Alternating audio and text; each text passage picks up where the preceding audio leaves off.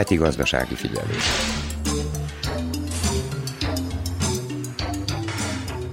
Péntekig 4 dinárral olcsóbb a 95-ös benzin és a dízel is. A gázolaj literje a héten legfeljebb 201, a 95-ös benzin pedig 171 dinárba kerül. A kőolaj származékok korlátozására vonatkozó kormányrendeletet december 31-ig meghosszabbították. Hegedűs Erika köszönti a heti gazdasági figyelő hallgatóit. A szerbiai parlament elfogadta a jövő évi költségvetést, amely több mint 1800 milliárd dináros bevétellel számol, a kiadások pedig átlépik a 2100 milliárd dinárt. Jövőre tehát csak nem 134 milliárd dinárral több áll a rendelkezésre. A kasszában 8%-kal lesz több pénz.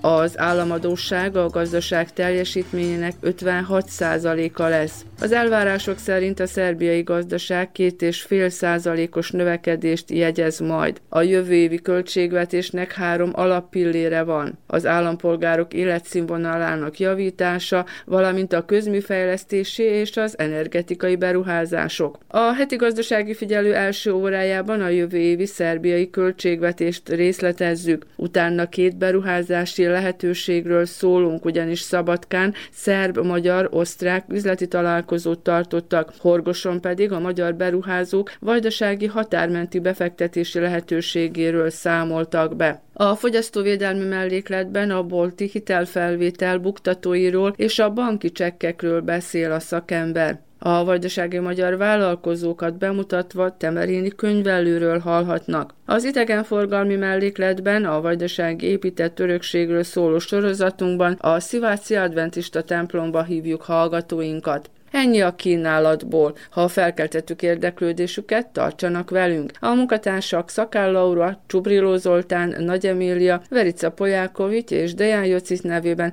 tartalmas időtöltést kívánok.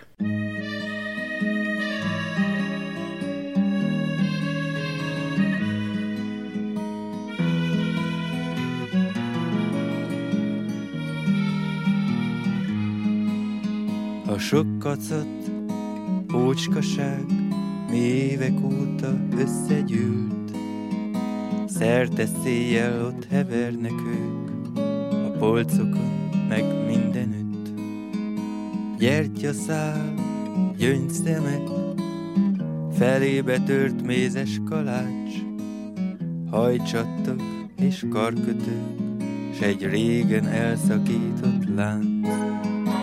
Filléres emlékeim, oly drágák nekem, kidobni őket nincs erő, s mind értéktelen. Filléres emlékeim, oly drágák nekem, ők tudják mennyit ér az életem.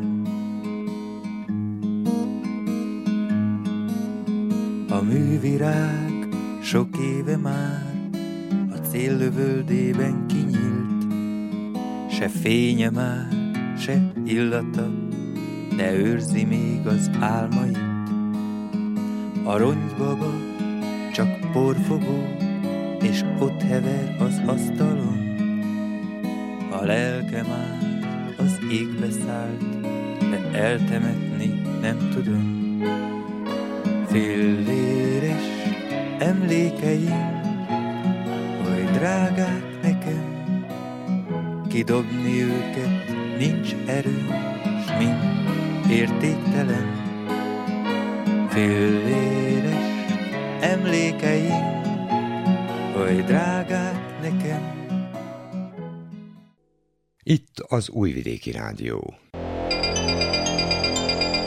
Gazdasági figyelő.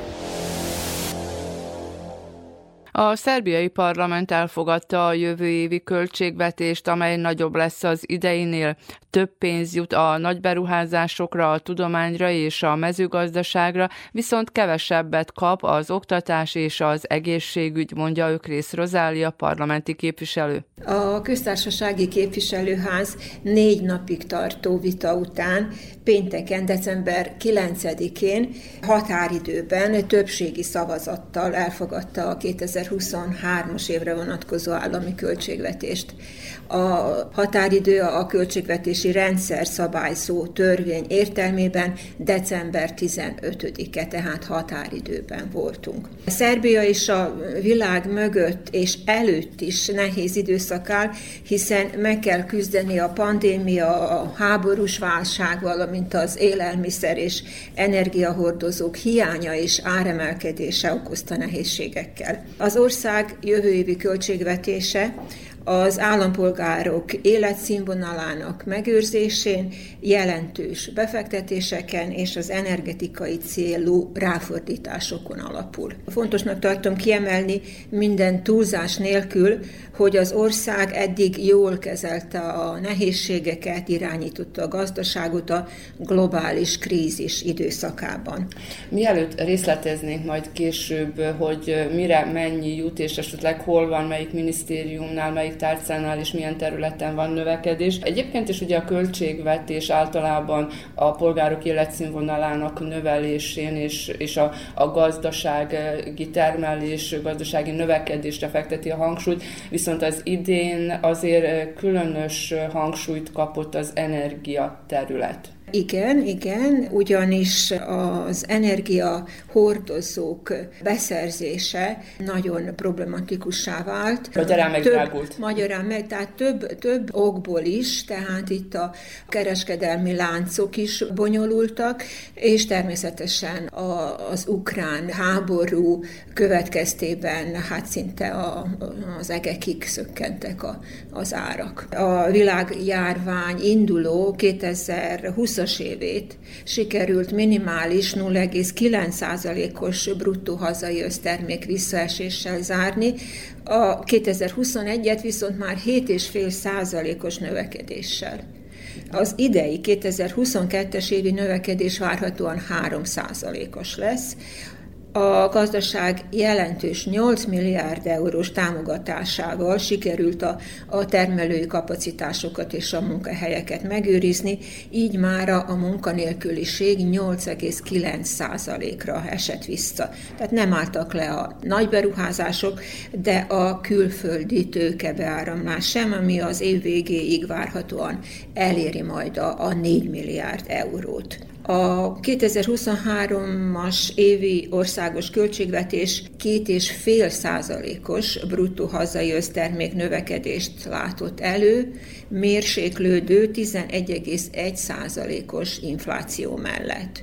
Tehát a várt GDP, a várt bruttó hazai össztermék 8025 milliárd dinár, vagyis euróban 68 milliárd euró. Szerintem sikerült egy, egy reális alapokon nyugvó, fenntartható, megvalósítható költségvetés definiálni a 2023-as évre. Bevételi kerete 1843,4 milliárd dinár, és most 133,8 milliárd dinárral, tehát 7,8 százalékkal több, mint ebben az évben volt. Minden adóforrásból emelkednek a bevételek, mellesleg ezek az eszközök biztosítják az államháztartás megközelítőleg 90%-át.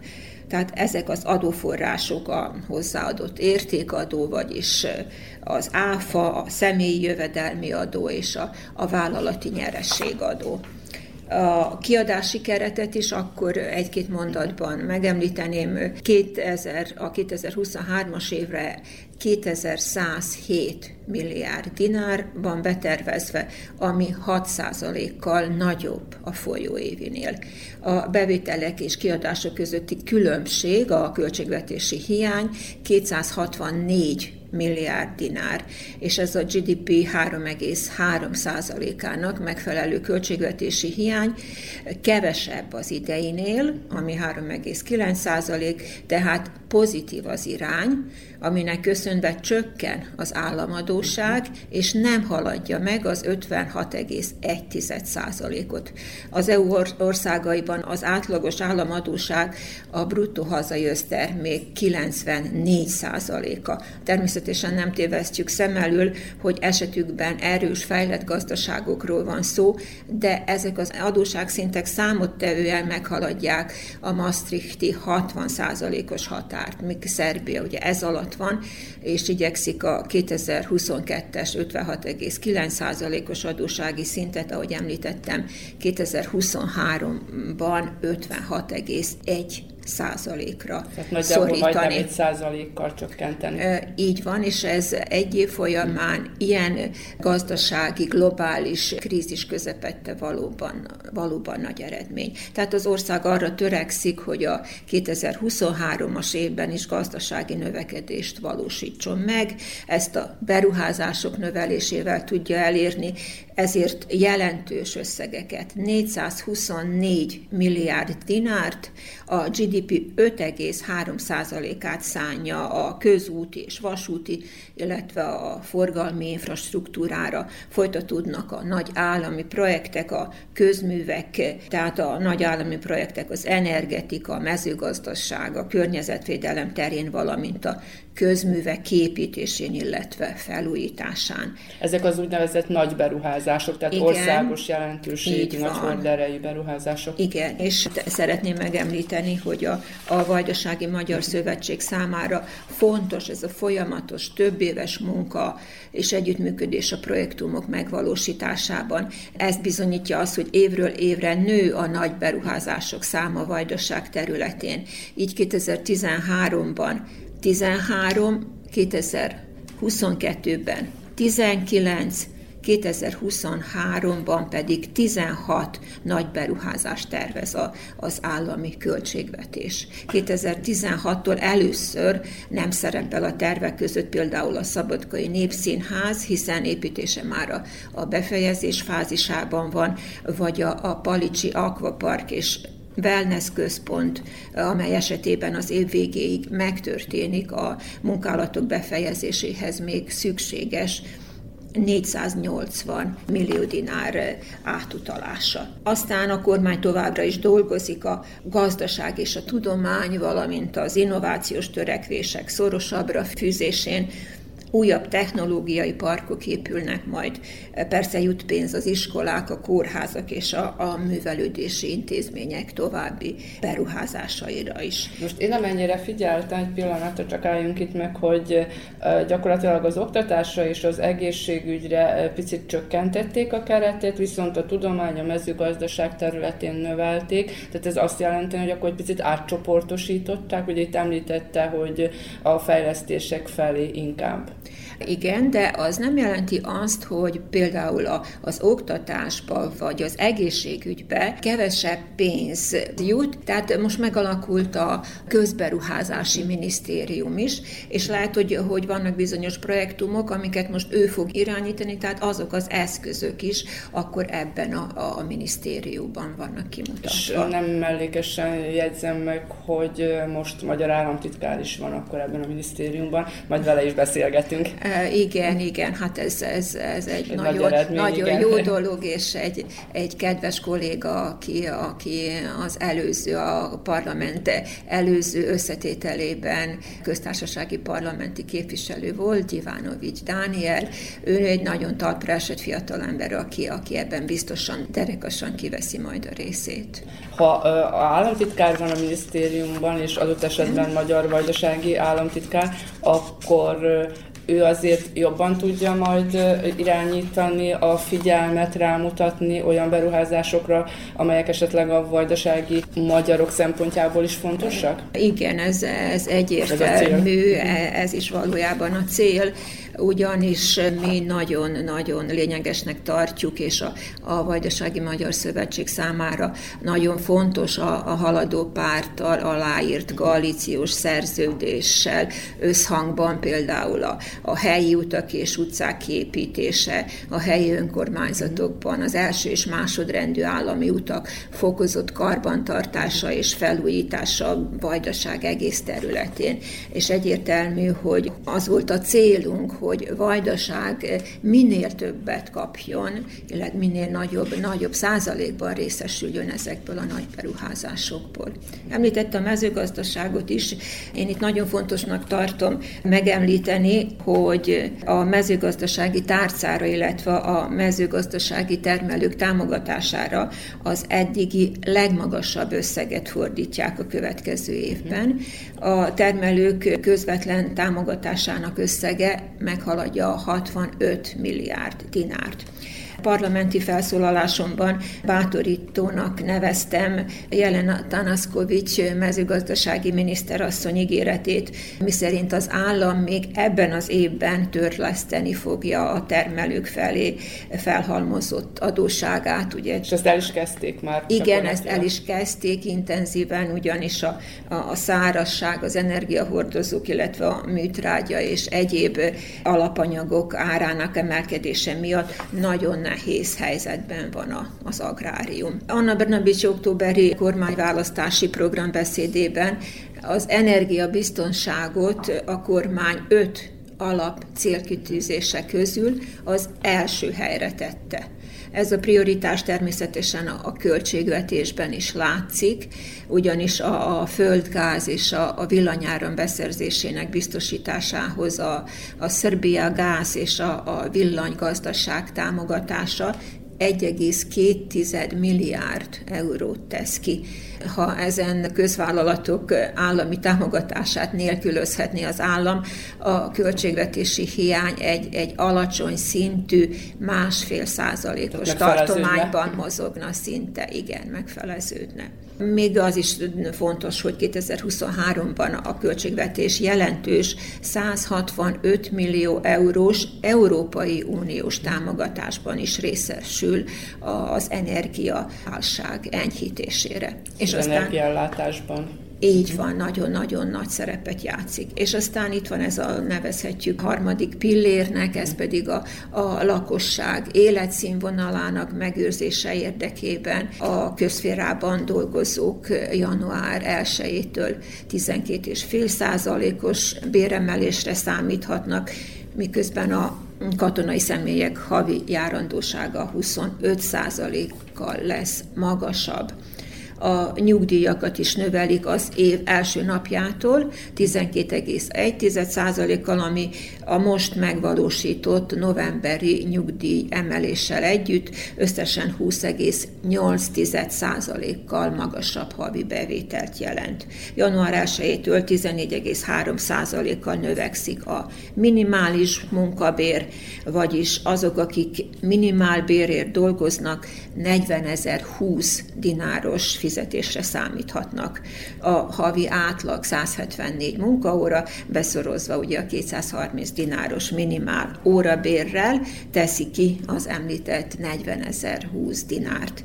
Növekszik a, a bérek adómentes része is 12,5 százalékkal, így a munkaadók a 19.300 dinár helyett 21.712 dinárig kapnak adómentesítést. Fontosnak tartom még esetleg pár gondolat erejéig, amit felszólalásomban is kiemeltem, hogy a, a költségvetésről szóló törvény részletezi, hogy Vajdaság autonóm tartománya kapja a tartomány területén megvalósított személyi jövedelemadó 18%-át, illetve a tartományban a jogi személyek által megvalósított nyereség utáni adók 42,7%-át. A kormány 2023-as költségvetési stratégiája alapján az előrejelzések szerint Vajdaság a jövedelemadóból 10,7 milliárd dinárt, a nyereségi adóból pedig 24,8 milliárd dinárt kap, ami összesen 35,5 milliárd dinárt jelent majd. Emellett az állami költségvetésből Vajdaság számára összesen 125 milliárd dinár van betervezve. Ebből a 125 milliárdból 56,5 milliárd transfereszköz, ami főleg az oktatásban foglalkoztatottak fizetését, valamint az önkormányzatok számára megítélt pénzt jelenti. A másik nagyobb fele a 125 milliárdnak, a 68,5 milliárd pedig a vajdasági nagyléptékű befektetésekre van tervezve. Kiemelnék esetleg néhány fontosabb projektumot ebből a jövő évi tervből, a vajdasági rádió és televízió számára. 900 millió dinárt irányoznak elő a Belgrád-Budapest gyorsvasút építésére 2023-ban. 25 milliárd dinárt 2024-ben további 28 milliárdot, majd a 2025-ös záróévre 15 milliárdot. Szakaszos építés. Igen, tehát a, a nagy beruházások azok mindig három évre, három éves tervvel vannak kimutatva a költségvetésben. Továbbá a kelebiai határátkelő és az autópálya közti szakasz bővítése terv dokumentációjának kidolgozására 28 millió dinár terveztek, a horgosi határátkelő hely bővítésére pedig 1,45 milliárd dinárt. Ez most folyamatban is van már? Igen, ez egy, így van. A hajók átemelésére a Tiszán törökbecsénnél 50 millió dinárt, a gombosi kikötő kapacitásainak bővítésére pedig 1,95 milliárdot a nagy kikindai víztisztító munkálataira 400 millió dinárt irányoztak elő a háztartási hulladék tárolására. 26 milliárd dinárt fordítanak majd Vajdaság területén. Felújítják a Zombori Gazdasági Bíróság épületét, erre 50 millió dinárt fordítanak, a szabadkai új börtönépület felépítésére és felszerelésére pedig 45 milliót. Az Európai Beruházási Banktól felvett kölcsönből 2,8 milliárd dinárt fordítanak a Vajdasági Klinikai Központ épületének felújítására és bővítésére. Vajdasághoz kapcsolódóan nem konkrétan a köztársasági költségvetéshez kapcsoló, illetve nem az a téma, de egyértelműen a költségvetés témája, az pedig a, a tartományi költségvetés személyemet megelégedéssel tölti el, hogy a, a, a múlt héten a, a tartományi kormány által megfogalmazott 2023-as évi tartományi költségvetési javaslat 108,5 milliárd dinár tesz ki, és a, a tavaly ilyenkor elfogadott 2022-es évitől 20,9 milliárd dinárral, vagyis 22,7 százalékkal nagyobb. És a javaslat, ami nagyon fontos, 32 százalékban, tehát 34,5 milliárd dinár nagyságrendben kapitális fejlesztés jellegű, ami az eddig legnagyobb abszolút értékében és százalékban kifejezve is. Tehát ennek köszönve várhatóan megalapozott a fejlődés. Itt az Újvidéki Rádió. Gazdasági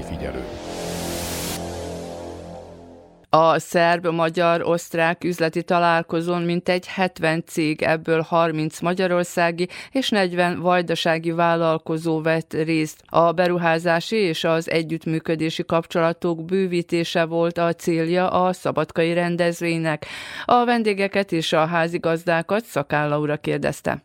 Radecki Jenő vagyok, a Fejmegyi Kereskedelmi Iparkamarának az elnöke, osztrák tiszteletbeli konzul Außerdienst. Fejmegye különleges helyzetben van, minden, minden adottsága megvan arra, hogy az észak-nyugat magyarországi régiónak a egyik központja lehessen. Ez, mi most régióba és zónafejlesztésbe gondolkodunk. A kapcsolatunk délvidékkel, a délvidéki vajdasági vállalkozókkal elég erős. De mi ezt szeretnénk továbbra is javítani, és hát több oka van, hogy ezt a rendezvényt megszerveztük. Természetesen van történelmi, van geopolitikai, és van személyes oka is, hogy eddig olyan intenzív kapcsolatokat építettük ki az itteni politikai és gazdasági vezetéssel, hogy megérett az idő arra, hogy egy gazdasági delegációval eljöjjünk. Kértük az osztrák, illetve a magyar külügyminisztérium osztrák referatúrájának a kereskedelmi vezetőjét, hogy ő is jöjjön el, és beszéljen az esetleges három oldalú kapcsolatoknak a kiépítéséről. Ez egy kísérlet, most próbálunk először a Kárpát-medencébe egy ilyen hármas találkozót összehozni, és ha ez sikeres lesz, és, és miért ne lenne az, akkor folytatni fogjuk a, követ, a többi külhoni magyar területen is. Nincsen statisztikai jellege, de ugye gyakorlatilag tudjuk, hogy a Magyar Külügyminisztérium fenntart itt egy CEDEN keresztül egy irodát, a HEPA is rendkívül intenzív, az az export ösztönzési ügynökség Magyarországon, ahol én többek között én is dolgozom, és tucatnál több nagyvállalatnak van már itt kapcsolata, de ez, szerintünk ez nem elég, sokkal több a lehetőség, és jobban örülnénk, hogyha a délvidéki vajdasági vállalkozók még intenzívebben vennének részt a magyar gazdasági életben. Dr. Pefter Nóra vagyok, és a Bécsi Magyar Nagykövetségnek vagyok a külgazdasági ataséja. A Bécsi Magyar Nagykövetség külgazdasági ataséjaként nekem az a funkcióm, hogy a többek között, hogy azoknak a magyarországi exportvállalatoknak az ausztriai tevékenységét támogassam, akik exportképesek, és tehát akik a tevékenységüket valamilyen módon Ausztriában szeretnék ellátni. Én ennek a tevékenységemnek a keretében tartottam a tavalyi évben egy rócsót, egy országjárást, elmentem különböző magyarországi kamarákhoz, ahol a helyszínen tájékoztattam az osztrák lehetőségekről a magyar cégeket. Ennek a, az országjárásnak a keretében találkoztam a Fejér megyeri kamarával, akik felajánlották azt, hogy, hogy esetleg elmehetnék határon túlra is, ugyanis a, az egységes, tehát határon túl Vajdaságban, Erdélyben, Felvidéken nagyon sok olyan magyar cég él, amelyek ugye nem magyar jogi személyek, de magyar, vajdasági magyarok és a helyi magyarok a tulajdonosai, és őket is érdeklik ezek az osztrák lehetőségek. Tehát én most azért vagyok itt, hogy ezekről a lehetőségekről tájékoztassam a cégeket. Hogy épül fel az osztrák piac, milyen piaci lehetőségek vannak, mi van akkor, hogyha egy vajdasági vagy egy magyar vállalat megérkezik Ausztriába, mire számíthat, mennyire befogadók az osztrákok, mennyire protekcionisták, mi az, ami náluk lehetőségként több van, mint itt, milyen irányzatok vannak, amelyek fontosak a számukra, mi az, ami nekik most egy fontos trend, ami a jelenlegi válság alatt és válság utáni időszakban az ő gazdaságuk számára fontos, tehát melyek azok a, azok a területek, amelyekre be lehet lépni, és, és lehet lényegében élni ezekkel a lehetőségekkel. Tulajdonképpen megmaradtak a klasszikus trendek, én úgy látom, tehát építőipar, fémipar, tulajdonképpen a kereskedelem minden ágazatában összekapcsolódik az osztrák és a magyar gazdasági egység. Ezen kívül az utóbbi időben megjelent a regionalizációnak a jelentősége, tehát a korábbi globális beszállítói láncokat egyre inkább felcserélik a regionális beszállítói láncok. Ennek az az oka, hogy a válság miatt, a korábbi válságok miatt nyilvánvalóvá vált, hogy milyen mértékben kiszolgáltatott az osztrák piac a nemzetközi viszonyoknak, és egyre inkább arra törekszenek, hogy a közelebb lévő piacokkal működjenek együtt.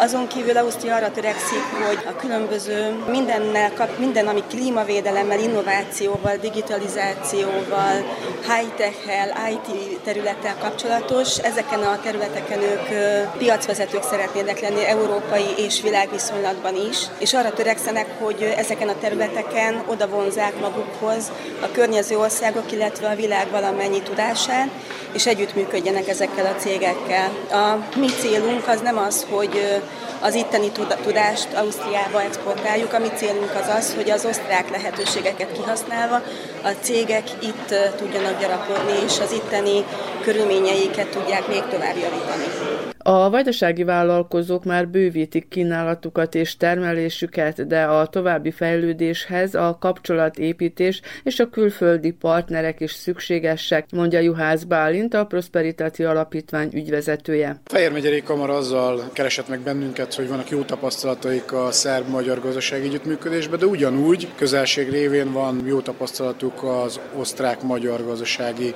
együttműködésben, és hát láthatjuk, hogy más kérdésekben is az osztrák-magyar szerb-szerbiai együttműködés az milyen fontos. Hatalmas lehetőségeket rejt a vajdasági vállalkozók, a vajdasági magyar vállalkozók számára, és különösen, hiszen olyan kulturális nyelvi kapocs van, amit ki lehet használni. Ha azt nézzük, hogy Szerbia és Magyarország gazdasági együttműködésének erősödése milyen fejlődése ment keresztül az elmúlt időszakban, hiszen külkereskedelmi partnerek közül Magyarország az első 10-15-ben sem volt, ma pedig a harmadik legjelentősebb külkereskedelmi kereskedelmi partner Vajdaság, mint régió szempontjából. Az első tízben benne van Ausztria, és akkor láthatjuk, hogy milyen potenciál van egy ilyen együttműködésben. Azt gondolom, hogy 15 évvel ezelőtt az ausztriai cégek jelenléte erőteljesebb volt, ez egy picit visszahúzódott. Van lehetőség az együttműködés erősítésére, annál is inkább, mert Vajdaság, mint egy egy milliárd embert számláló piachoz biztosít hozzáférést, könnyített vagy teljesen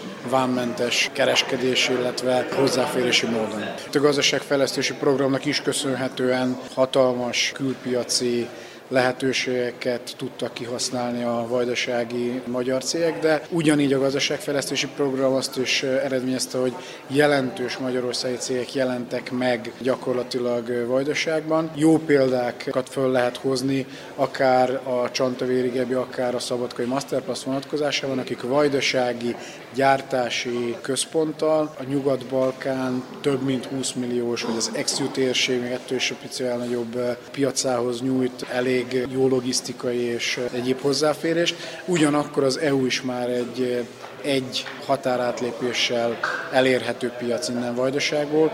Én azt gondolom, hogy számunkra az a legjobb megoldás, hogyha külföldi befektetők itteni vállalkozókkal közösen hoznak létre üzletet, vállalkozást, terméket, és hódítják meg akár az EU, akár más piacokat, amelyekkel Vajdaságnak jó gazdasági kapcsolata. A három ország vállalkozója a másik térség azaz térségek lehetőségeivel ismerkedtek, így a vajdaságival is, mondta Pásztor Bálint, a Szabadkai Képviselőtestület elnöke. Szabadka lett a házigazdája a Magyar-Szerb-Osztrák Gazdasági Fórumnak. Ez a város szempontjából mindenképpen jó, hiszen olyan vállalkozókkal rendelkezünk itt helyben is, akik most már kinőtték magukat olyan szintre, hogy akár külföldi befektetésekben is gondolkodhatnak, és hát természetesen a magyarországi és ausztriai befektetőket is várjuk itt eh, Szabadkán is. A három országnak az együttműködése új szintre lépett a közelmúltban, és ezt is ki kell emelni, hiszen egy nagyon aktuális kérdésről van szó, az illegális migránsok elleni küzdelemről. Én azt gondolom, hogy a gazdaság működésének a feltétele a jogbiztonság, meg az általános biztonság is. Általános biztonságról nem lehet eh, addig beszélni, amíg az illegális migráció ilyen méreteket ölt, mint amit mi tapasztalunk évek óta ebben a térségben. Éppen ezért nagyon jó az, hogy a szerb köztársasági elnök, a magyar miniszterelnök és az osztrák kancellár az elmúlt hónapokban közösen konkrét lépéseket tettek annak érdekében, hogy a migránsokat a mi területünkről ki lehessen szorítani, és a migráció elleni védelemnek az első vonala a déli határnál legyen, ne pedig itt a mi településeinken. Ezen kívül pedig mindenképpen aktualitást ad ennek a mai gazdasági fórumnak az, hogy éppen ezekben a napokban tárgyal a szerbiai parlament a Magyarország és Szerbia közötti baráti kapcsolatokról és stratégiai együttműködésről szóló egyezményről. Egy olyan egyezményről van szó, amilyet Szerbia eddig mindösszesen hat országgal kötött, tehát mindenképpen kiemeli a jó kapcsolatokat és lehetőséget ad arra, hogy ez a kapcsolat a konkrétumok mentén elmélyülésre kerüljön, vagy elmélyítésre kerüljön a jövőben. Ausztria mindenképpen a legfontosabb befektetők közé tartozik Szerbia szempontjából. Nem olyan szinten esetleg, vagy nem olyan szintű a külkereskedelmi kapcsolatoknak az állapota, mint Magyarországgal, amely a harmadik külkereskedelmi partnere Szerbiának immár a jó politikai kapcsolatok következtében, de Ausztria is az élvonalban van. Számos osztrák cég működik, akár itt Szabadkán is, de úgy egyáltalán Vajdaságban, illetve Szerbiában, úgyhogy remélem, hogy ez a mai esemény hozzájárulhat ahhoz, hogy ez még fokozódjon. Én azt gondolom, hogy a prosperitáti támogatásnak köszönhetően kialakult egy olyan vállalkozói réteg, egy olyan magyar vállalkozói réteg Vajdaságban, amelyek esetében nem utópia az, hogy akár Ausztriában, vagy Németországban, vagy más nyugat-európai gazdaságilag erős és kiemelkedő országokban ők fektessenek be. Tehát most már nem ott tartunk, hogy kizárólag a külföldi befektetőket várjuk itt, hanem a mi vállalkozóink is gondolkodhatnak abban, hogy befektessenek nyugat-európai országokban. Itt az Újvidéki Rádió. Gazdasági figyelő. A vajdasági határmenti beruházásokról érdeklődtek az Északbácskai körzetben a magyar vállalkozók. A horgosi rendezvényről Csubriló Zoltán tudósít. Bányai Gábor, a Délalföldi Fejlesztési Zóna komplex fejlesztéséért felelős kormánybiztosi titkárság Magyarországi kormánybiztosa mondta el meglátásait. A két ország szabályozó rendszerei azért eltérnek, bár a két kormány közötti megállapodások lehetővé teszik azt, hogy Magyarország befektessen Szerbia vajdasági részébe mindenféleképpen, és hát ennek voltak nyomai, voltak támogatási nyomai az elmúlt években. Amit érdemes lenne a két ország vállalkozóinak mindenféleképpen elérni, hogy nem rossz egyébként a szomszédos országba befektetni, és nagyobb számba kellene Magyarországról magyarországi tőkét, vagy Szerbiából szerbiai vajdasági tőkét Magyarországon is befektetni, vagy közösen itt önöknél beruházásokat kezdeményezni. Hisz a következő évek mégiscsak az energiáról is szólnak, mégiscsak az élelmiszerellátásról is fognak szólni, és ebben a két térség, tehát a dél Bácskiskun megye, dél Csongrád megye, Csanád megye, illetve észak jelentős potenciálokkal bírnak, és nem beszél a gazdasági egészség, az egész területről egészen leújvidékig, ez egy fantasztikus agrártermőterület, tehát itt mindenféleképpen volna értelme itt a magyar vállalkozásoknak megjelenni, illetve közös beruházásokat folytatni, hisz mégiscsak, ha két ország kapcsolatai így fejnek, akkor előbb-utóbb nekünk nem kell uniós tagállamokká válni kettőnknek, pontosan Szerbiának, ahhoz, hogy a kapcsolatok minden területen még jobban kiterjedjenek egymás irányába, és ezen túl pedig az a befektetési környezet, amit egy közösség szolgáltat, mondjuk az európai közösség tudott szolgáltatni a múltban, azt mi uniós belépés nélkül is tudnánk egymás számára biztosítani, ami megnyitná a tőke alapokat, meg a, a tőke szabad áramlását a két ország között. Milyen vállalkozásoknak érdemes ebben gondolkodni? Például itt Röszke felől a határzónában milyen vállalkozások helyezkednek el, vagy melyeket érdemes megcélozni, mely területeket? Akkor kezdjük az energetika felől. Ugye a napfényes órák száma az mind a két ország részben nagyon magas, tehát ez egy potenciális lelőhely az energia termelésben. A geotermikus energiában szintén nagyon komoly lehetőség van a két ország határmenti térségeibe, hisz ugyanazon a geológiai zónán, törésvonalon fekszik, mind Északbácska, mind vagy, vagy Vajdaság, középső déli, és talán északi, persze északi része is, így amit mondtam, a Bácskiskun déli része, vagy déli része. Most ennek köszönhetően mégiscsak ez a kettő terület már egy jó beruházás, hisz tároló kapacitásokkal, miután az energia az igény meg fog nőni, hiába drága az energia, most méreg drága, Magyarországon különösen, tehát Európában különösen, Nyugat-Európában is. Egyik legfontosabb terület lesz, ahol nekünk lépéseket kell tenni. És Szerbiának ugye eleve most minden energiaforráson Magyarországnak, ebből fakadóan egyébként érdemes is lenne együttműködni energia import-export területén. Na tehát az energetika. A másik, beszélünk az agráriumról, ez a Bácskai, Bánát, Bánság, Szerémség, Csongrád, Csanád megye nagy része, Békés nagy része, ez nagyon sok embernek, több mint 10 millió embernek képes élelmiszert termelni, feldolgozom talán még többnek. Ezek a kapacitások, miközben a ellátási láncok nagyon rosszak, láthatólag a Covid óta nem túl sikeres az élelmiszer export irányai Európából kifelé. Itt mégiscsak megbírnánk oldani, hisz több piac is van, amit mi nem érünk el, viszont Szerbia meg elér. Tehát ez egy nagyon komoly lehetőség az élelmiszerfeldolgozás, amiben a korábbi, még a jugoszlávia időkre emlékezve itt nagyon-nagyon komoly világszínvonalú tevékenység folyt. Nálunk is voltak ilyen világszínvonalú tevékenységek az élelmiszergazdaságban, de ügyesen visszafejlesztettük a privatizációnak köszönhetően, amikor Magyarországon a rendszerváltás megtörtént. Na most ebben is nagyon komoly lehetőség van. Emellett ugye a turizmust szoktuk emlegetni, amelyik egy olyan lehetőség kínál itt az Alföld, ezen a nagy magyar Alföld Magyarország, és azon a déli része a, a bajdasági alföldi területeken nagyon szép természeti adottságokat lehet találni.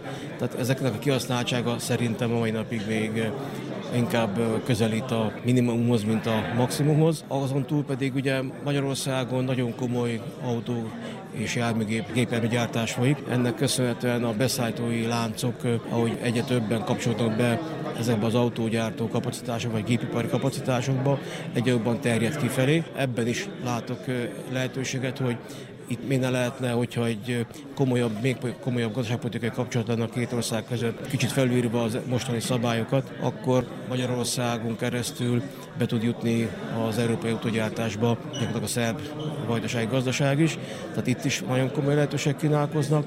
És azon túl pedig ugye itt van az a szállítmányozás, ami mindannyiunknak ma a teher, hisz a közlekedésfejlesztés és a határátlépés nem volt túl könnyű a múltban. Ma már úgy látszik, hogy ebben is oldódnak a korábbi tendenciák, és ha úgy veszük, hogy Balkán felől vagy Ázsia felől egyetlen normális átjelentő út van ma a Zajgyes autópálya itt Szerbián keresztül, akkor meg Magyarországon az elműtös autópálya, akkor ezek közötti fejlesztési területeket, ahol ahol át lehetne a tranzitot engedni, ami csökkenteni, Szabadka, Újvidék, akár Belgrád terelését, az egész környék terelését. Ezek a közös fejlesztése, jelesül az M9-es, M6-os fejlesztése, ezek mind azt eredményezhetik, hogy még ebben is tudna két ország együttműködni. És ugye van egy közös projektünk, a Budapest-Belgrád vasútvonal fejlesztése, ami mégiscsak egy olyan, olyan unikális itt Közép-Európában, ami egyrészt egy közös programunk végül is, bár külön-külön finanszírozunk, de közös célt akarunk elérni vele, és ennek a fejlesztés ugye magával hozza majd a Szeged-Szabadka után a Szabadka-Baja, Pécs és további relációknak a fejlesztését. Tehát ebben én nagyon bízok, hogy ez mind gyakorlatilag amit elrontottak az őseink, a politikai szereplők az elmúlt 100-120 évben, ezt mégiscsak lehetne pótolni azzal, hogy a két ország most úgymond egymás találásának köszönhetően ezek a fejlesztések újraindulnak, és szolgálni fogják mind a két nemzetet.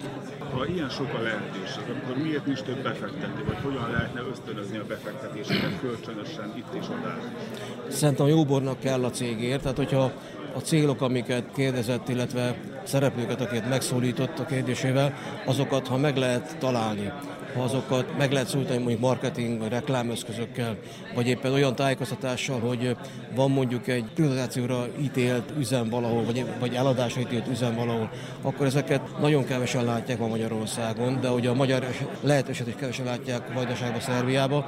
Tehát ezeket szerintem jó marketingesekkel kell ezt a kérdéseket megütatni, illetve kitalálni, hogy lehetne elérni, hogy ne feltétlenül Ázsiába érkezzen csak beruházók ide ebbe az országba, vagy a mi országunkba. Ez pusztán marketing kérdés, illetve az a másik, hogy a végeredményben minden országnak van fejlesztési forrása, hisz a mai pénzügyi elszámoló rendszerekben a beruházásokat könnyebben el lehet költségvetés oldalon is számolni, tehát volna mind a két országnak forrása arra, hogy kezdeményezzen, közös fejlesztéseket, beruházásokat, ami bár minden kimondott milliárd euró vagy dollár nagyon sokat jelent, sokat tűnt számunkra, de szerintem volna lehetőség további nagy-nagy beruházásokra, meg sok kicsire is. Fejsztámé Robert Magyar Konzsa polgármestere szerint csak a cégeken múlik majd, hogy tudnak együttműködni, akár áttelepülve Szerbiába, és így munkához jutatni az embereket. Az önkormányzatnak az a dolga és feladata, hogy megpróbálja összehozni a vállalkozókat és ösztönözni az együttműködést ebben a mi esetükben konkrétan egy nemzetközi együttműködés Magyarország és Szerbia között. Természetesen utána a vállalkozókon múlik, hogy ők megtalálják-e egymást, megtalálják-e a számításokat, tudnak-e együttműködni, vagy akár Magyarországról ide áttelepülve itt Szerbiában céget alapítva munkához juttatni a helyi embereket. Én bízom benne, hogy tudunk olyan lehetőségeket mondani, lehetőségeket kitárni a potenciális vállalkozók, befektetők előtt, ami nekik kecsegtető lesz, vagy felkelti az érdeklődésüket, hiszen általában azt szoktuk mondani, hogy nagyjából ugyanarra a területről beszélünk, tehát a Délalföld és Észak-Vajdaság, földrajzilag is, társadalom, politikailag is, szociálisan is nagyon hasonlít egymásnak, azonban mégis itt vannak a különbségek, amik az államok különböző gazdasági támogatásaiból adódik, nem is beszélve arról, hogy a Szerbia egy más piac felé van orientálva, és Magyarország, mint az Európai Unió szintén egy más piac felé van orientálva, tehát itt is megvannak a, a lehetőségek az együttműködésre. Ami konkrétan Horgost, vagy egyáltalán a községünket illeti, itt megint csak vállalkozó függő lesz az, hogy megtalálja valaki itt a helyét, hiszen terület szempontjából nagyon kevés zöld beruházásos lehetőség van, akár Horgoson, akár Kanizsán, hiszen területileg elég kevés olyan helyünk van, ahova még új épületeket lehet építeni, hiszen a Horgosi ipari zóna már előre van látva egy logisztikai vasúti teherforgalomhoz kötődő logisztikai központnak, tehát ilyen értelemben a teljes 20 hektár már foglalt a szerb és a magyar állam együttműködésén keresztül, tehát olyan én abban látom az együttműködési lehetőségeket, hogy a, cégek egymásra találnak, és megtalálják azokat a piaci réseket, megtalálják azokat az együttműködési lehetőségeket, amin keresztül akár a magyarországi cégek, akár a szerbiai cégek, vagy egy új piacon meg tudnak jelenni, vagy pedig a meglévő piacon meg tudják erősíteni a pozíciójukat. Én ebben bízom, hogy ezt meg fogják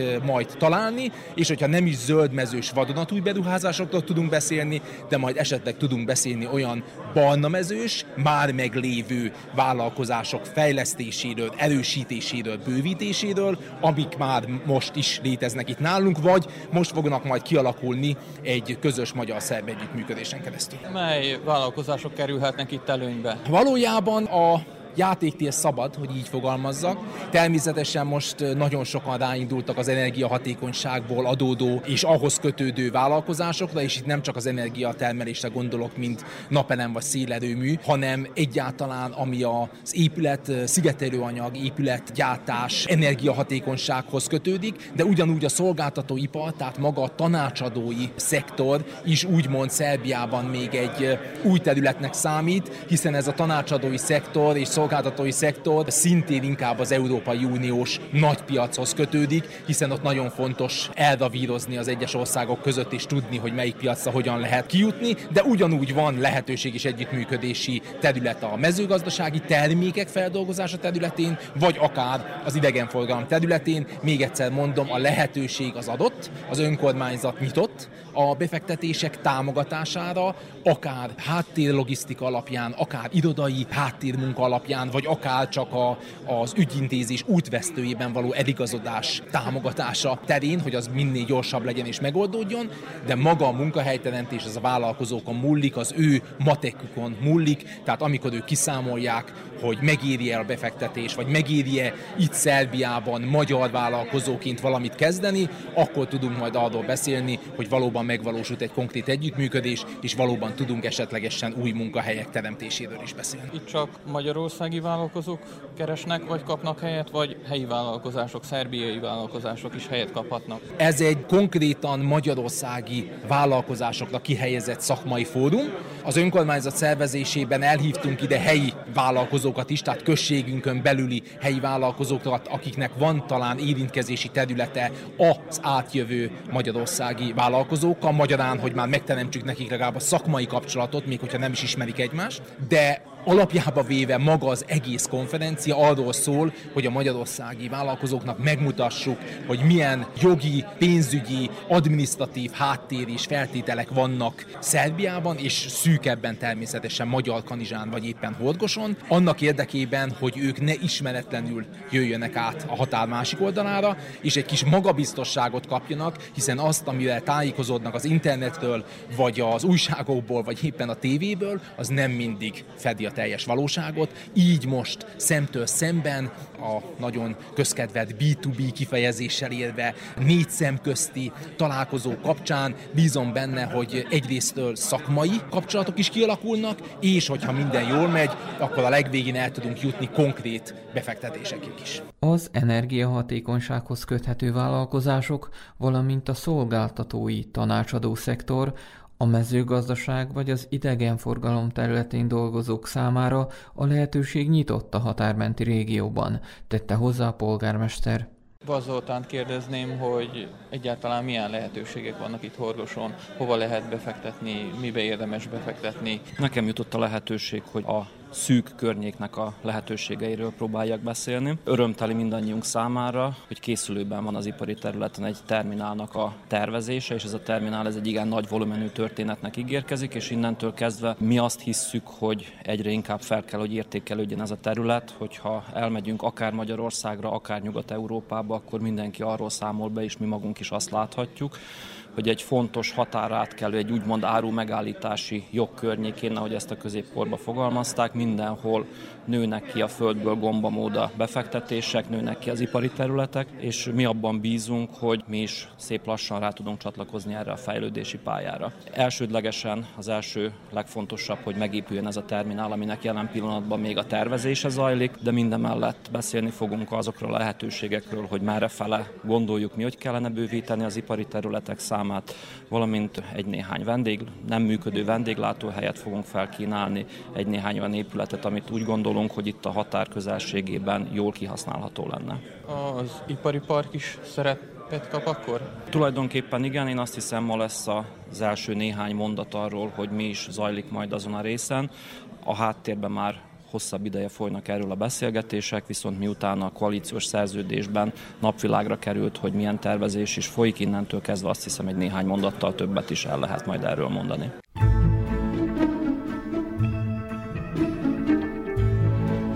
Tudatos vásárló Fogyasztóvédelmi percek az Újvidéki Rádióban, a Zentai Fogyasztóvédelmi Központ támogatásával.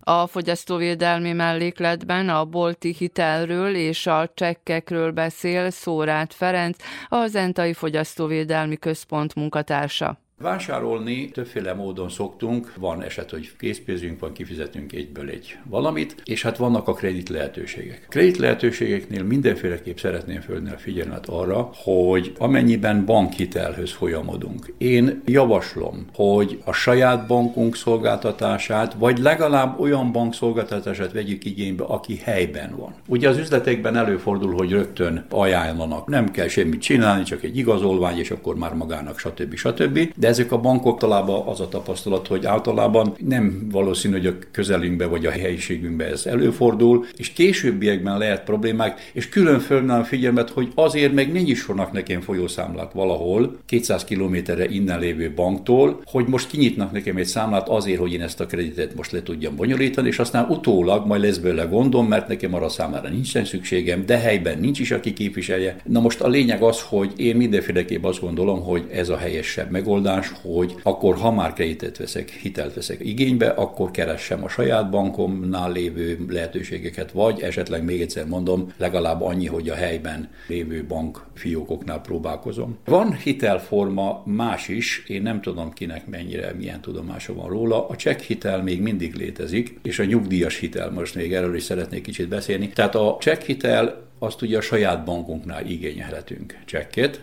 Nem valószínű, hogy ezt minden üzlet akarja és csinálja, mert hogy ezek rövid lejáratú hitelek, azért ezt tudnunk kell, esetleg hat hónap, de lehet, hogy nekem az abban a pillanatban egy, egy olyan értékű árunál nem is biztos, hogy butaság, és általában ezek kamatmentesek. Tehát, törlesztés, csekkel? Hát a csekkel való törlesztés, ami természetesen akkor azt jelenti, hogy le kell adnom egy bizonyos számú csekket. Ahhoz, hogy én csekket kapjak, akkor természetesen a saját bankomhoz kell fordulni, aki természetesen korlátozni fogja a csekkszámot ahhoz képest, hogy nekem milyen bevételem van, milyen, mennyit engedhetek meg magamnak ilyen szempontból, de akinek ez lehetőség, akkor éljen vele, mert még egyszer mondom, élhet vele, mert ezek kamatmentesek. Aztán a nyugdíjas hitelről meg azért szeretnék egy pár szót, mert nyugdíjas ember is nagyon sok van. A nyugdíjas hitel nem állítom megint csak, hogy minden üzletben, de sok helyen kínálják. Ez a nyugdíjas hitel csak annyiból áll, hogy természetesen akkor a, a nyugdíjbiztosítónál leszek elkötelezett, olyan értelemben, hogy egy, egy, egy letiltást az üzlet oda fog küldeni, Természetesen igazolást kell, hogy hozzak arról, hogy nekem mennyi nyugdíjam van. Tudomásom szerint egy harmad nyugdíjig lehet leterelni egy havi részletet. Ez is egy rövidebb lejáratú hitel, de ezek is kamatmentesek. Én is, hasz, én is éltem már ilyen lehetőséggel. Tehát, tehát azért mondom, hogy ez is egy, lehet egy jó megoldás, még mielőtt esetleg konkrétan egy hosszabb lejáratú hitelért bankhoz fordulok. De hát amennyiben arra van szükség, vagy úgy érzi az illető, akkor azt csinálja. Fogyasztóvédelmi percek az Újvidéki Rádióban, a Zentai Fogyasztóvédelmi Központ támogatásával.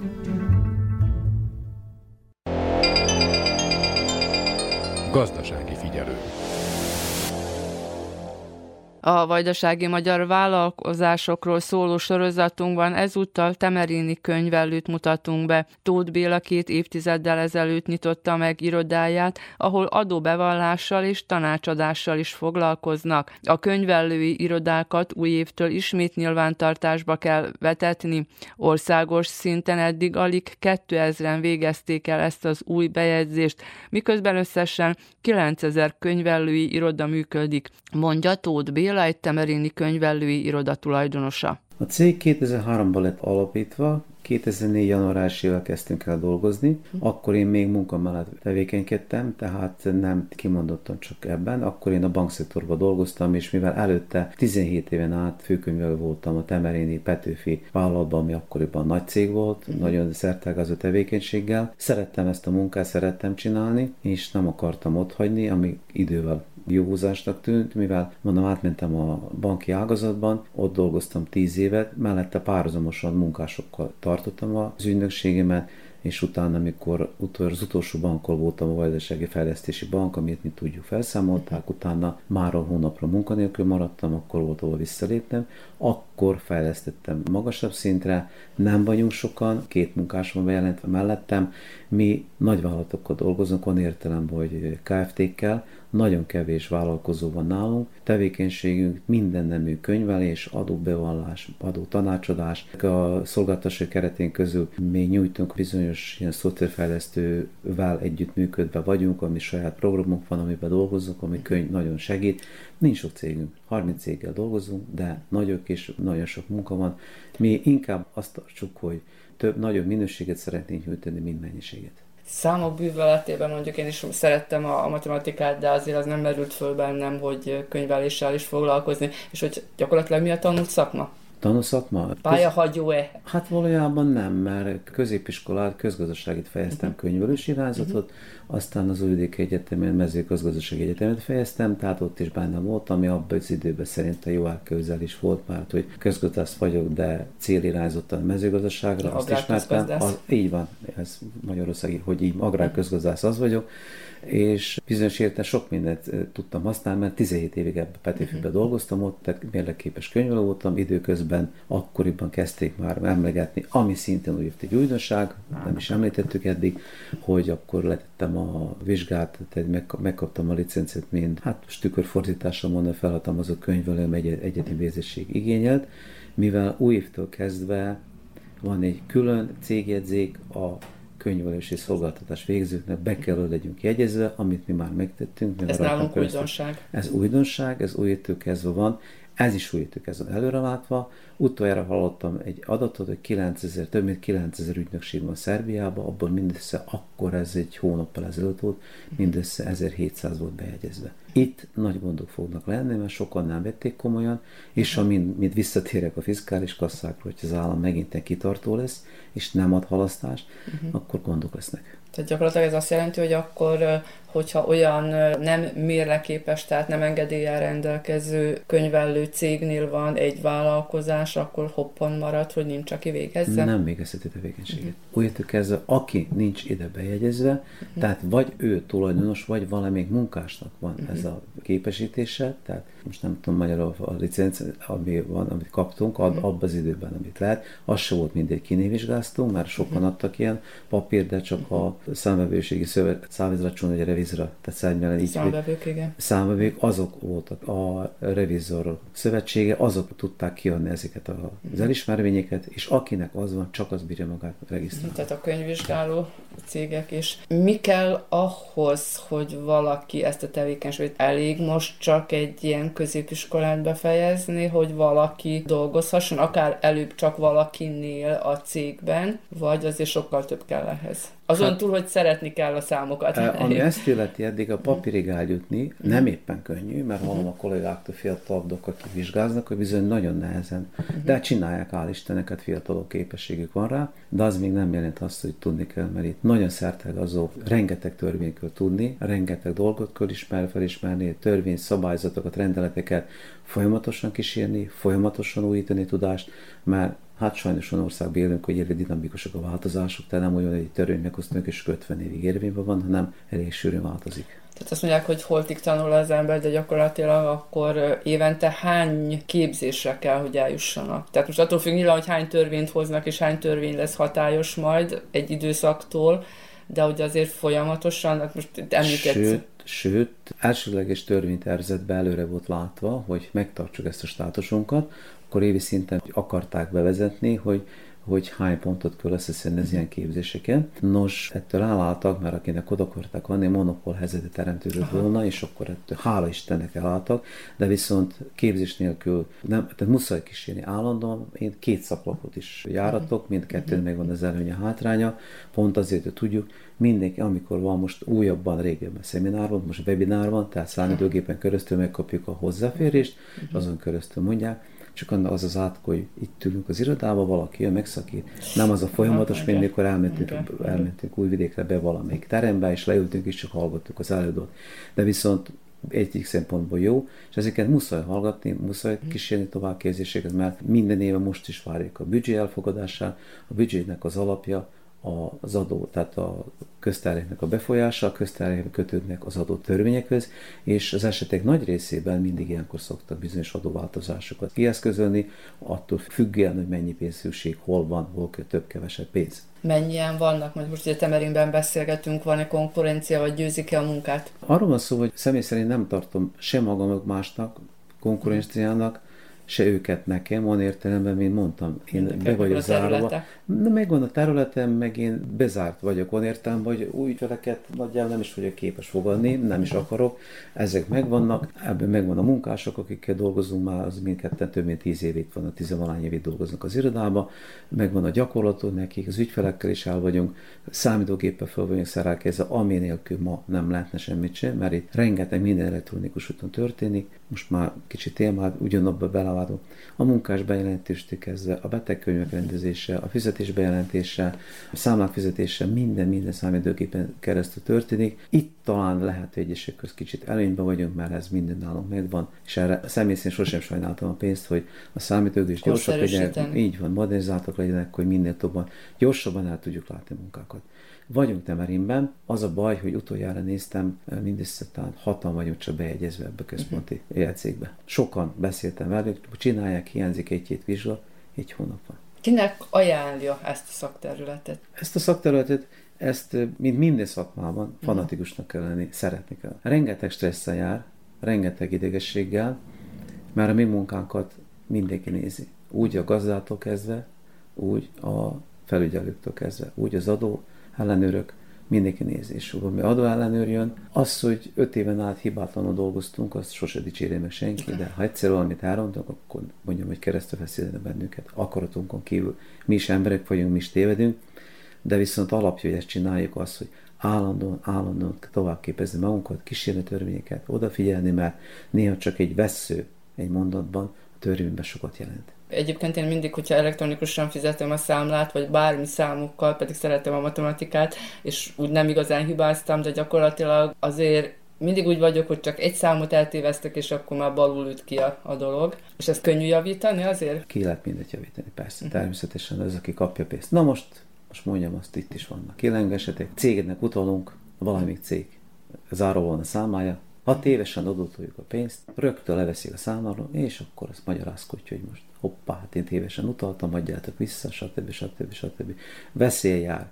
Mi ezt csináljuk, ezt nem kollégáim közül nem mindenki csinálja ezt, tehát mi ezt, akik ilyen kisebbek, a nagyobbak nem is bírjuk fizikailag, tehát nem tudjuk elválni ezt a munkát, mert azoknak nagyon dinamikus, akinek van a évi szinten 12 ezer számláját, mert vannak olyan cégünk is, azoknak ilyesmit nem is tudunk, mert nem is akarunk elválni, még nem is várják el tőlünk, mivel azt napi szinten effektívan kell kísérni, és ennyien nem tudjuk. Idestova akkor már két évtizede van Pontosan a jövő. vállalkozásban. Esetleg most egy kicsikét személyesebb kérdés lesz aki folytatja?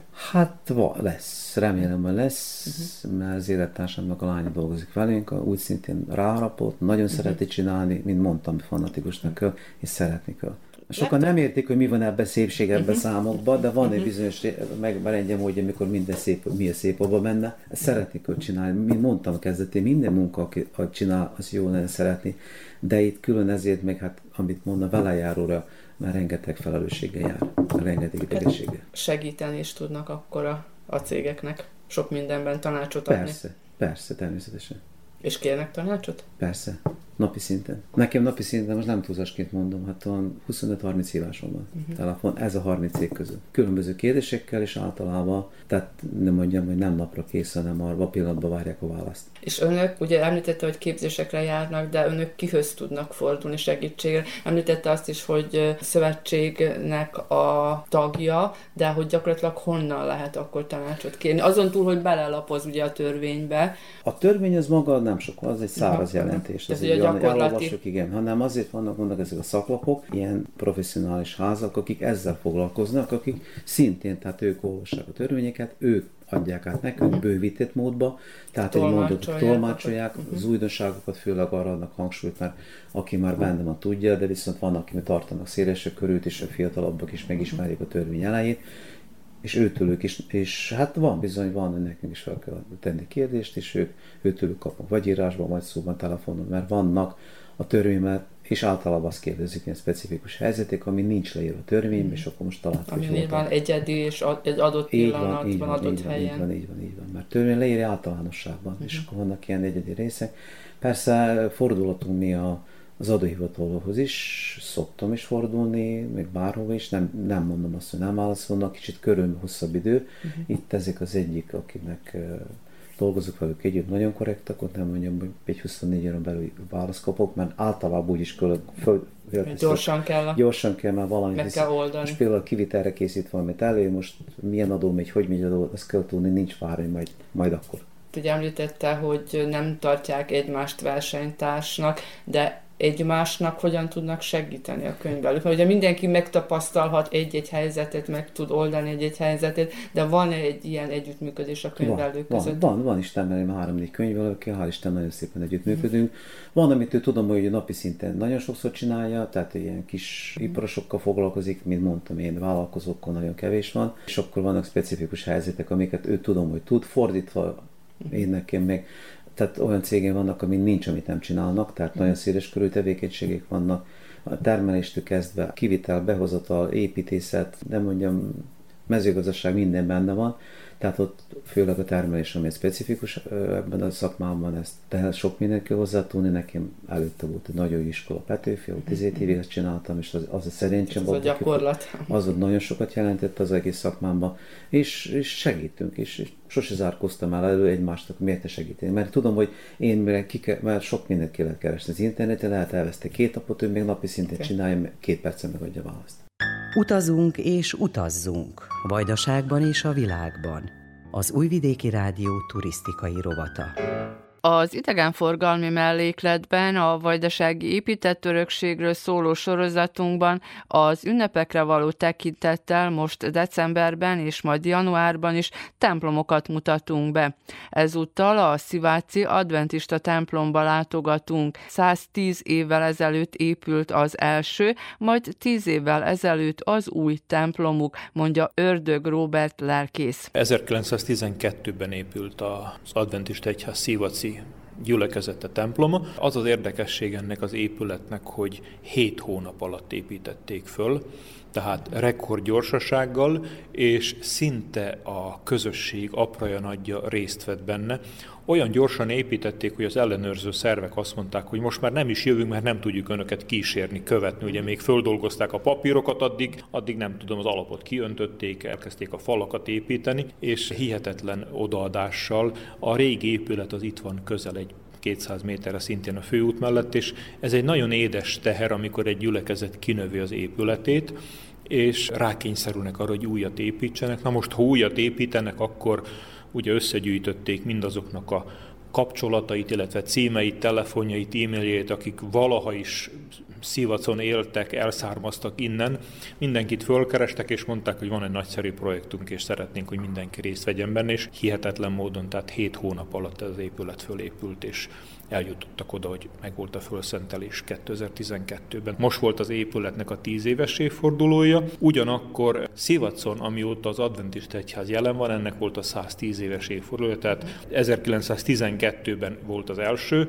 ez pedig 2012-ben épült maga ez az épület mekkora volt a közösség, hogy mutatkozott arra igény, hogy nagyobb épületet építsenek? Számolom az aktív tagokat, akik rendszeresen minden szombaton jönnek, ez körülbelül olyan száz fő az. Van egy szép gyermekosztályuk, ifjúsági csoport, és szükség volt arra, hogy egy nagyobb, nagyobb épületbe menjenek, és akkor már mertek gondolkodni a jövőre tekintve, hogy az esetleges jövőbeli szükségleteket is ki tudják elégíteni, illetve maga, maga az épület ki tudja elégíteni. Hosszú éveken keresztül volt tervezés, hogy hova, merre, hova, merre menjenek. Például 1997-ben egy nagyon aranyos és kedves fölkínálást kapott a közösségünk a református egyház részéről. Szerették volna, mivel az épületük többé-kevésbé teljesen üresen áll és fölújításra szorul, fölkínálták, hogy saját szükségletünkre újítsuk föl saját használatra, azzal, hogy néha vasárnaponként, amikor van valamilyen rendezvényük, akkor ők használhassák, de az akkori vezetők, amikor átnézték a lehetőségeket, meg a,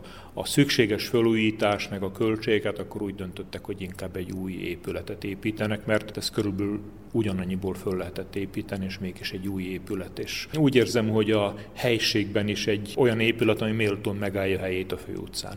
Mikor alakult meg itt Szivácon a közösség? Szivácon a közösség 1908-ban alakult meg, ennek utána jártam részletesen. 1908-ban alakult meg, 1912-ben volt először szervezett gyülekezet. Ugye ez általában, hogyha valahol alakul valami, akkor ilyen, ez egy ilyen bibliai motív, vagy egy kis csoport, valahol családnál egy család szeretné ezt az útvonalat követni, jön egy másik, akkor összejönnek hétvégenként együtt, nem tudom, olvasnak, imádkoznak, bibliáznak, és így tovább. És amikor már voltak annyian, hogy ezt lehet közösségként könyvelni, tehát hivatalosan regisztrálva, ez 1912-ben volt, és azóta folyamatosan, folyamatosan van, különböző nevet viselt az adventista egyház, mindig az akkori politikának megfelelően. Ugye volt keresztény bibliakutató közössége, nem tudom, nem is tudom mind felsorolni. A második világháború után kaptuk a keresztény adventista egyház nevet, igazából hetednapi adventista egyház világszerte, és ezen a néven vagyunk ismertek, interneten is így tudnak ránk találni az emberek. Valamilyen módon az akkori politika megkívánta azt, hogy az, aki szeretne regisztrált keresztény közösség, hogy legyen, a keresztény szónak benne kellett lenni a nevébe, és akkor így lettünk keresztény adventista egyház. Sokszor megkérdezik tőlem külföldiek, hogy ti valami mások vagytok. Nem, ez csak egy ilyen terminológia, amit az akkori jugoszláv, nem tudom, valláspolitika megkövetelt, és aztán már így is maradtunk, és a mai napig így ismernek bennünket Szerbiában. És úgymond az alapító családok ebbe a közösségbe honnan jöttek, vagy ők hova tartoztak korábban, hol van esetleg a legközelebbi közösség, ahova esetleg tartozhattak? A múlt század elején különböző, tehát pravoszláv, nazarénus, a legtöbb, a legtöbb új hívő annak idején nazarénus közösségekből jött, ők valamikor az előző században alapultak, és elindult egy ilyen bibliokutatási mozgalom. Tudni kell, hogy a 19. században, amikor megalakultak a bibliatársulatok, ez nagyon sokban hozzájárult ahhoz, hogy a bibliolvasás kultúrája elterjedt. Az emberek nem elégedtek meg azzal, ami, ami nem tudom, elhangzott a templomban vasárnaponként, az a rosszabbik eset, hogyha nem is értették, mert vagy latinul, vagy pedig a, a régi szláv, ószláv nyelven ment. Nem elégedtek meg, ezzel elkezdték olvasni a Bibliát, és a, a bibliolvasásnak van egy nagyon érdekes kultúrája, hogyha az ember elkezdi olvasni és belekóstol, akkor az úgy olyan, mint mikor akarunk egy csúcsot megmászni, és fölmentünk, és látjuk, hogy van még egy. Meg lemegyünk a völgybe, fölmegyünk a következőre, és mindig újabb és újabb, és nincs az, hogy na most ez nem olyan, mint Jókainak az aranyember, hogy elolvastam, és már tudom Timár Mihálynak a történetét, és kész. Mert szöveg összefügg összefüggések, meg van egy csomó olyan dolog, ami az embert lelkileg nemesebbé teszi a jellemfejlődést. Tehát ez nem csak egy vallásnak a kérdés, hogy most Bibliát olvas az ember, vagy nem. Ez egy lelki kultúra, és én úgy érzem, hogy pont ezért teszünk óriási hangsúlyt a közösségünkben a, ennek a lelki kultúrának a gyakorlására. Például a fiataloknak bibliakvízeket tartunk. Akkor azt mondjuk, hogy most nem tudom, a következő hétvégén apostolok cselekedetek könyvéből lesznek a kérdések. Ezek ilyen ravasz kérdések, hogy ki mond mondta ezt, vagy kinek volt ilyen ruhája, vagy melyik városban történt ez meg ez. Persze most már vigyázni kell, hogy mobiltelefon ne használjanak közben, mert a modern időknek a vívmánya az, hogy a Biblia kérdésekre könnyen válasz lehet találni. Ennek mind az a célja, hogy ez a, ez a Biblia olvasó kultúra ez tovább menjen. Szivac illetve a szívaci gyülekezetünk abból is ismert, hogy talán ők ápolják a legaktívabban ezt a Biblia kutató Biblia quiz kultúrát. Annyira szeretik a Bibliát, hogy van a gyülekezetnek egy kézzel átírt Bibliája, ami Mózes első... Igen, különlegesség, tehát az egyetlen templom, akit én ismerek, hogy van nekik kézzel átírt Bibliájuk, Mózes első könyvétől a jelenések könyvéig szépen bőrbe bekötve. Hányan írták? 30-an írták, és 22 nap alatt írták át. Tehát ez egy ilyen akció volt, hogy na emberek akkor kiosztottak egyforma papírt mindenkinek. De különböző a kézírás? A kézírás különböző, tehát mindenki egyforma betűtípussal írt, tehát senki nem írt írott betű, mindenki nyomtatott betűvel írt, cérül betűvel, ugye szerb közösségről van szó. Hadd mondom el, hogy két magyar család van a közösségben, de ez itt olyan része vajdaságnak, ahol a magyarok is többet beszélnek szerbül inkább, mint magyarul, és gyülekezetnek egy óriási kincsként van ez. Én már kértem tőlük, a, van egy nagy biblia gyűjteményem, több mint 250 bibliával, és mondtam, hogy emberek, ez, ez a biblia nagyon jó volna az én gyűjteményemben, és mondták, akkor írd át magadnak. Tehát nem akarnak megválni tőle, a gyülekezetüknek ez egy ilyen szimbólum, motivuma, hogy biblia, biblia olvasó közösség vagyunk, és ezt mi közösen, tehát nem egy ember írt, tehát az is nagy dolog volna, ezt mi közösen írtuk. Tehát szerintem családonként vettek részt benne, hogy minden családból valaki, hogy az részese egész közösség legyen. részese legyen ennek a bibliaírásnak. A nagyságán kívül a mostani épület miben, mennyiben különbözik a korábbi épülettől? Hát a korábbi épület az egy régi stílusú, inkább egy ilyen falusi nagyparasztház, ugye, ahogy a főutcán vannak a házak, tehát egy olyanból lett kialakítva, abba is elfér több mint száz ember, de az épület elég nagy mértékben szorult tatarozásra, plusz közvetlen az épület mellett egy benzinkutat építettek, és úgy igazából valahogy nem fért össze a kettő, mindenképp kellett volna nagyon nagy összeget fordítani a, a teljes tatarozásra, és úgy döntöttek, hogy eladják az épületet, meg hozzáteszik, amit ők hozzá tudnak tenni, meg az egyházterület, az országos egyházvezetés, meg a külföldi diaszpóra, és tényleg hihetetlen módon gyorsan fölépítették. El kell, hogy mondjam, hogy ha ezt mind munkavállalók, illetve mesteremberek készítik, akkor duplájába került volna. Én ma reggel néztem át a dokumentációt, öt mester dolgozott összesen, az összes többit ők maguk kézi erővel végezték, az egyik gyülekezeti tagnak itt van ilyen épületanyag lerakata, tehát mindent gyárjáron biztosított a közösség számára, minden haszonkulcs nélkül, és mindenki kivette a, a részét. A följegyzés szerint, amikor elkezdték az alapot ásni, akkor a legidősebb alapásó ember 85 éves volt, aki jött, Szerintem ez inkább egy ilyen volt, hogy mindenki vegyen részt emberek, és akkor jött ő is, és amennyit tudott, amennyit tudott, de a följegyzésben ott van, hogy ő is ásta, meg ott voltak az egész kis gyerekek is, akik húzták félre a kiásott földet, meg homokot, meg takarítottak. Tehát egy, egy nagyon erősen összetartó közösséggel tudunk itt találkozni kívülről írjuk le az épületet, ugyanis azért nem egy hagyományos, a megszokott római katolikus templomokra, vagy akár pravoszláv ortodox templomokra emlékeztet, hogyan néz ki, mert hogy nagyon letisztult fehér formák vannak. Valahogy így nevezném, hogy a, hogy a hagyományos, meg a protestáns közösségek közti átmenet valahol, tehát ha ránézünk, akkor azonnal látjuk, hogy ez templom. Ugye, mert van, mégis, igen. igen, van sok olyan gyülekezetünk, különösen kisebb helyeken, faluhelyeken, ahol mikor ránéznek, akkor csak a tábláról tudják, hogy ez templom, mert igazából úgy néz ki, mint egy családi ház, vagy egy nagyobb családi házat vettek meg, és átalakították, közfalakat kivették, és amikor már elfér benne 40 ember, akkor az egy kis közösségnek elég. Azonban itt megpróbálták úgy építeni, én, én talán nem is tudnám úgy magát a stílusát megnevezni, hogy most ez milyen, milyen stílusban.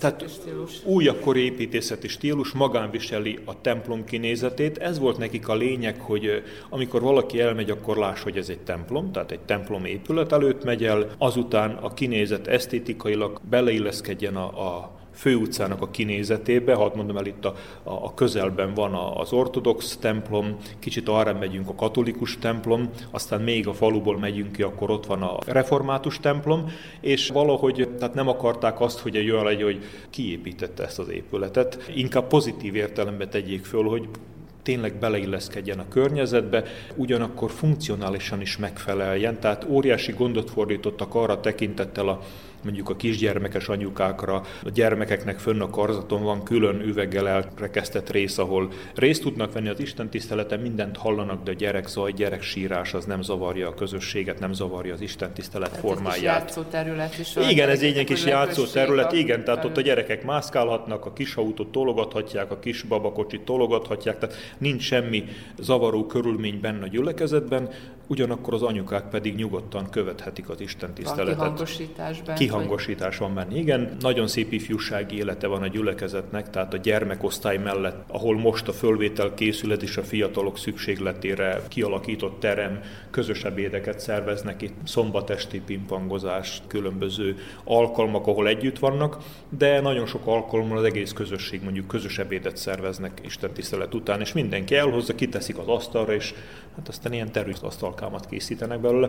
Úgy érzem, hogy ezek azok, amit a Biblia is ilyen agapé vacsorának vagy agapé étkezésnek nevez, ami egyfajta szeretett vendégség, amikor nem az a lényeg, hogy te mit hoztál, az a lényeg, hogy mi van az asztalon, és akkor ezt közösen együk meg, és én azt hiszem, hogy ez a közösségnek az összetartó ereje, amikor tudunk felelősséget érezni egymásért, és azt a Krisztusi szeretetet gyakorolni, ami igazából a kereszténységnek a jellemzője kell, hogy legyen. Mert hogyha ez nincs, akkor, akkor holt a közösség, akkor csak a forma tartja össze, és az nem tart sokáig. Említettük, hogy ha főbejáraton bejövünk, akkor ez a karzati része a gyermekek és a, a kisgyermekes anyukáknak, és a főbejárattal szemben mit látunk? A templomnak tehát az az úgynevezett szembe, a bejárattal szembe az úgynevezett oltár rész van, mi egyszerűen szószéknek nevezzük.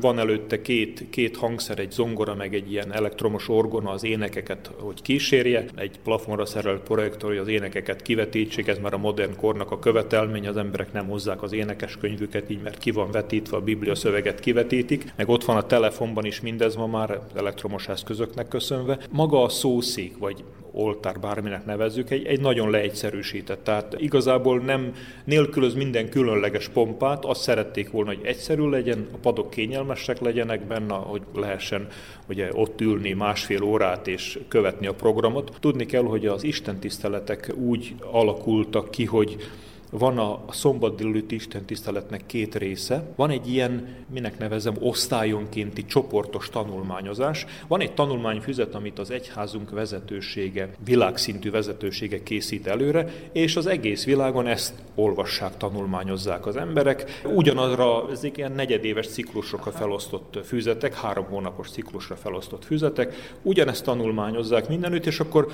szombat reggel Isten tiszteleten ezt ilyen csoportokban megbeszélik. Ez az az időpont, amikor mindenki kiveheti a részét. Szoktuk tréfásra mondani, hogy két olyan pont van, hogy mindenki kiveheti a részét, a csoportos tanulmányozás, meg az adakozás. De hát végül is ez is hozzátartozik egy egyház életéhez, ugye ebből áll fönn az egyház. Tehát a lényeg az, hogy itt mindenki kiveszi a részét, ez tart, nem tudom, fél tíztől fél tizenegyig, van egy 15-20 perces szünet, és jön a ezt máshol mondják a nagymisú, ugye az Isten tisztelet központi része az ige hirdetés, itt ilyenkor mindig a, a gyülekezet kórusa énekel, vagy együttes énekel, zeneszám van, tehát valamilyen, ilyen, nem tudom, ennek nevezem ezt valláskulturális része van az Isten tiszteletnek, ami szebbé, ünnepélyesebbé teszi azt, és aztán jön az ige hirdetés, ez a, ez a központi része, ugyanakkor van szombat délután Isten tisztelet, péntek este óra van. Hét, heti rendszerességgel. Heti rendszerességgel, igen. Hétközben pedig különböző alkalmakat szoktak szervezni, tehát én most említettem azt, ami heti rendszerességgel van péntek este, szombat délelőtt, szombat délután. A szombat délután ez inkább olyan program, hogy emberek kivehetik részüket, van benne egy kis bibliakvíz, van benne egy rövid tanulmányozás, van benne egy közös éneklés. Igazából a lényeg mindig az, hogy a hívek, illetve a jelenlévők lelkileg gazdagabban menjenek haza. Le tudják tenni azt a hétköznapi stresszes életformát, ami sajnos annyira rányomta a bélyegét a modern ember életére, és én úgy érzem, hogy ez egy rendkívüli alkalom arra, hogy egy picit az ember lelkileg felszabaduljon megtalálja azt a lelki békét, aminek igazában a hátterében Isten ott van. Szent Augustinus mondta azt, hogy van bennünk egy ügyén Isten alakú űr, és a lelkünk nyugtalan mindaddig, amíg azt, a, azt az űrt Isten be nem tölti, de semmi más és senki más nem tudja betölteni, mert ugye ezt így mondta szimbolikus, hogy az az űr Isten alakjára van kialakítva bennünk, és oda más nem fér bele, csak ő, tehát őt kell megtalálni. Hát minden Isten tiszteletünk arra irányul, itt Szivacon is, és minden közösségünkben, hogy ebbe az űrbe, ami ott van az életünkben, pontosan maga jó Isten kerüljön bele. És természetesen meg kell említeni, hogy amikor ez az űr az ember életében betöltődik, akkor ez valamilyen módon látszani kell. Olvastam egy kis Marikáról, aki hazament a templomból, és a hittarról is mondta az anyukájának, hogy anya azt tanultuk, hogy Isten akkora, hogy az egész világ mindenséget a kezében tartja. Igaz ez? Mondja, hogy igaz. Jön a másik héten haza, anya azt tanultuk, hogy Isten bennünk lakozik. Igaz ez? Mondja, hogy igaz. Tehát azt mondja, hogy olyan nagy, akkor nem kéne, hogy kilátszon belőlünk? Na ez a kérdés, és lehet, hogy ez a kérdés, hogy hogy látszódik ki az Isten én belőlem. Ott van az, amit az apostol felsorol, szeretet, öröm, békesség, béketűrés, szívesség, jóság. Lehet, hogy erről karácsonytáján sokat beszélünk, aztán a következő 300 napban, vagy 350 napban nem. Egész évben ki kell látszódjon belőlünk az Isten, ezt hirdetjük itt a Szívaci közösségben is. Az Újvidéki Rádió heti gazdasági figyelőjét hallgatták, amelynek első órájában a jövő évi szerbiai költségvetést részleteztük.